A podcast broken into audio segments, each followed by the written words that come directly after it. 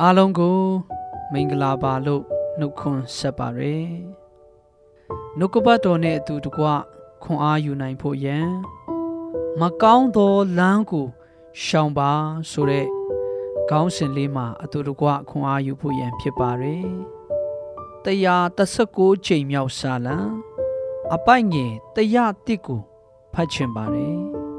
နှုတ်ကပတ်တော်ကိုစောင့်လိုသောငါ မကောင်းသောလမ်းရှိသမျှတို့ကိုလွေးရှောင်ပါ၏ဒီနေ့ချမ်းစာရဲ့အသိပေးကဘာလဲကျွန်ုပ်တို့၏အသက်တာတွင်နှုတ်ကပတ်တော်အတိုင်းအသက်ရှင်ရမည်ဆိုပါကမိမိအလိုဆန္ဒတည်ဟုသောဖယားအလိုဆန္ဒနှင့်မကိုက်ညီသော မကောင်းသောလမ်းရှိသမျှကိုလွေးရှောင်ဖို့လိုအပ်ပါတယ်။ဘာကြောင့်လဲဆိုတော့ကိုကြားထားခံယူထားသောဖျားစကားကို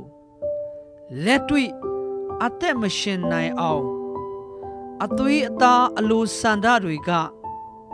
နောက်ရှက်သားစီတတ်ပါတယ်။ဒါကြောင့်မကောင်းသောလမ်းကို ရှောင်လက်မိမိကြားထားသောနှုတ်ကပတ်တော်ကိုစောင့်ရှောက်ရမည်ဖြစ်ပါတယ်လက်တွေ့ဘလို့အသက်ရှင်ရမလဲကျွန်ုပ်တို့၏အသက်တာတွင် မကောင်းသောလမ်းကိုရှောင်၍မိမိကြားနာခံယူထားသောနှုတ်ကပတ်တော်ကိုစောင့်ရှောက်ဖို့လိုအပ်ပါတယ်ဆုတောင်းကြရအောင်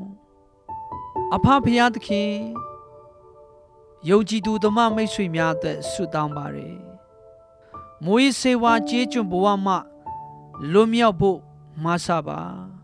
မကောင်းသောလမ်းကိုစွန့်လက်ကိုရောထံပြန်လာသောသူများဖြစ်စေပါဂျေစုရှင်အဖဖရာအကျွန်ုပ်၏အသက်တာထေတွင်နှုတ်ကပတ်တော်ကို ပေးထားသောကြောင့်ဂျေစုတင်ပါ၏ နှုတ်ကပတ်တော်ကို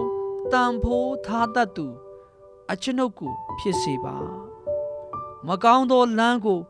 လွဲရှောင်၍နှုတ်ကပတ်တော်ကို ပြုစုတော်သူ ဖြစ်စေပါ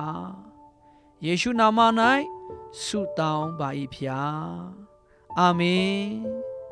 အားလုံးပေါ်မှာဖျားသခင်ကောင်းကြီးပေးပါစေ